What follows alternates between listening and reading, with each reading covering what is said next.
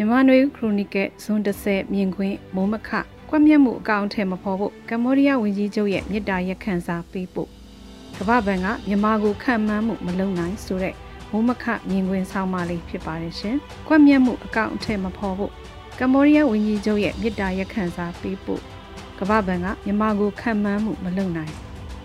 ခုသတင်းဘက်တွေမှာနေ့စဉ်သတင်းတွေထဲပါဝင်နေတဲ့အကြောင်းအရာကတော့တေရန်အမိတ်နောက်ဆုံးအဆင့်ကိုအတည်ပြုထားပြီလို့ဆိုတဲ့ ဦးကျင်မီဦးဇေယျတော်နဲ့အခြားနှစ်ဦးတို့နဲ့ပတ်သက်ပြီးနိုင်ငံတကာအစိုးရတွေလူအခွင့်အရေးအဖွဲ့အစည်းတွေကရှုံချတာကန့်ကွက်တာတတိပေးတဲ့အကြောင်းတွေနဲ့ပတ်သက်လို့သတင်းမီဒီယာတွေမှာဖော်ပြမှုတွေတွေ့နေရတာဖြစ်ပါတယ်။နောက်နိုင်ငံတန်ယုံအချို့နဲ့နိုင်ငံတကာလူအခွင့်အရေးအဖွဲ့အချို့ကခုလိုသေးတဲ့အကောင့်ထဲပေါ်ဖို့လှုံ့ဆော်နေတာကိုကန့်ကွက်ရှုံချကြပြီးကုလသမဂ္ဂကလည်းကန့်ကွက်စာထုတ်ထားတာဖြစ်ပါတယ်။ အာဆီယံနိုင်ငံတွေကပထမဆုံးမြစ်တာရက်ခံစာပေးပို့တာကတော့လက်ရှိအာဆီယံအလှည့်ကျဥက္ကဋ္ဌတာဝန်ယူထားတဲ့ကမ္ဘောဒီးယားနိုင်ငံဝန်ကြီးချုပ်ဟွန်ဆန်ဖြစ်ပါတယ်။အာဆီယံရဲ့နိုင်ငံအားလုံးသဘောတူညီမှုအရပို့တာလားဆိုတာရှင်းရှင်းလင်းလင်းမရှိပေမဲ့လက်ရှိအာဆီယံအလှည့်ကျဥက္ကဋ္ဌလည်းဖြစ်တာမို့ဟွန်ဆန်ရဲ့မြစ်တာရက်ခံစာဟာအာဆီယံရဲ့သဘောထားကိုရေဘူးရအားဖြင့်ထင်ဟပ်တယ်လို့ဆိုနိုင်ပါတယ်။ဒီစာထဲမှာအခုလိုကွက်မြတ်မှုကိုဆက်လက်အကောင့်ထဲပေါ်မယ်ဆိုရင် အာဆီယံနိုင်ငံတွေအတွင်းပြင်းထန်တဲ့ဆန့်ကျင်မှုတွေကြုံရနိုင်တယ်လို့ဖော်ပြတာဖြစ်ပါတယ်။နောက်ဆက်တွဲဆိုးကျိုးတွေကိုလည်းရင်ဆိုင်ရနိုင်တယ်လို့လည်းဖော်ပြထားတာဖြစ်ပြီးစစ်ကောင်စီဘက်ကအခုစားပေါ်ဘယ်လိုတုံ့ပြန်မယ်ဆိုတာတော့မသိရသေးပါဘူး။အခြားသတင်းအကြောင်းအရာတစ်ခုကတော့ကမ္ဘာနိုင်ငံတွေရဲ့စီးပွားရေးတိုးတက်မှုဆုတ်ယုံမှုနဲ့ပတ်သက်လို့ကမ္ဘာဘဏ်ရဲ့နှစ်စဉ်အစီရင်ခံစာမှာမြန်မာနိုင်ငံနဲ့သက်ဆိုင်တဲ့ခံမှန်းတွက်ချက်မှုမလုပ်နိုင်ပဲ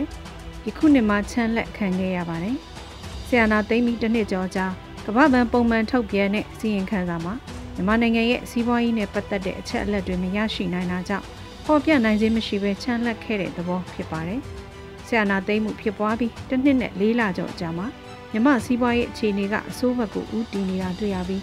ယုံကြည်ရတဲ့စီးပွားရေးဆိုင်ရာအချက်အလက်တွေမရရှိနိုင်တော့တဲ့အခြေအနေမျိုးကြောင့်မြန်မာနိုင်ငံဖို့2011ခုနှစ်မတိုင်ခင်တုန်းကအနေအထားမျိုးနဲ့အလားတူစီးပွားရေးတိုးတက်မှုနဲ့ပတ်သက်တဲ့ကိန်းဂဏန်းခံမှန်းမှုတွေ ကမ္ဘာ့ဘဏ်အနေနဲ့မလုံနိုင်တော့တဲ့သဘောလည်းဖြစ်ပါတယ်။ထင်ရှားတဲ့မြင်ကွင်းကိုကြည့်မယ်ဆိုရင်စစ်ကောင်စီဖွင့်တဲ့အကြောင်းတွေကိုပဲမျက်စိမိတ်ရွေးချယ်ကြရတဲ့လူဒန်းစားပြည်တွင်းမှာလုံခြုံစိတ်ချရတဲ့ပုဂ္ဂလိကအကြောင်းကိုရွေးချယ်ကြသူများ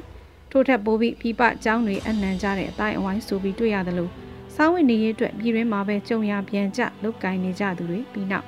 မြို့ရွာကျေးလက်ကနေ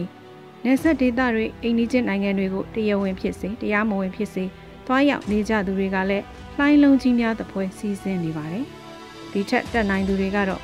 ပြည်ရင်းမှာထက်ပြည်ပကိုပြောင်းရွှေ့နေကြဖို့နှင်းနဲ့အမြန်လုတ်ကင်နေကြတာကိုတွေ့နိုင်ပါတယ်။ဆီယနာသိမ်းမှုကြောင့်ကြာဆင်းနေပြီဖြစ်တဲ့စီးပွားရေးမြင့်မားလာတဲ့ငွေကြေးဖောင်းပွားမှုအလုတ်ကိုင်းအခွင့်အလမ်းကြာဆင်းမှုတွေပြင်ယူကရိန်းစစ်ပွဲစတင်ပြီးနောက်ကမ္ဘာရင်းနှီးစစ်မြင့်တက်မှုအကျိုးဆက်ကြောင့်လည်းမြန်မာနိုင်ငံစီးပွားရေးအခြေအနေက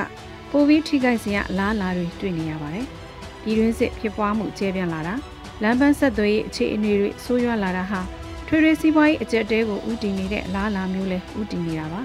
တကယ်တမ်းပြောရရင်အခုလက်ရှိမှာကိုထွေထွေအကျက်တဲကိုရင်ဆိုင်နေကြရတာဖြစ်ပြီးစစ်ကောင်စီကသူ့ရဲ့စစ်အုပ်စုစီးပွားရေးဗန္နာရေးနဲ့လဲပတ်နေပြီးမြမပြည်သူတွေကတော့ပြီးပနဲ့နေဆက်ကပြန်လဲထောက်ပံ့ပို့ဆောင်ပေးနေတဲ့ငွေကြေးကုန်စည်လဲပတ်မှုနဲ့သက်ဆက်နေကြတာဖြစ်နေပါပြီပြည်တွင်းစစ်ကျဲပြန့်လာတာနဲ့အမျှ မြမနိုင်ငံရေးအရှိန်မြင့်တက်လာတဲ့အခြေအနေမှာစီးပွားရေးပေါ်ထိခိုက်တက်ရောက်မှုတွေလည်းကြီးမားလာပြီးဆင်းရဲမွဲတေမှုမြင်းအောက်ကျရောက်တဲ့လူဦးရေတိုးတက်လာတဲ့အခြေအနေ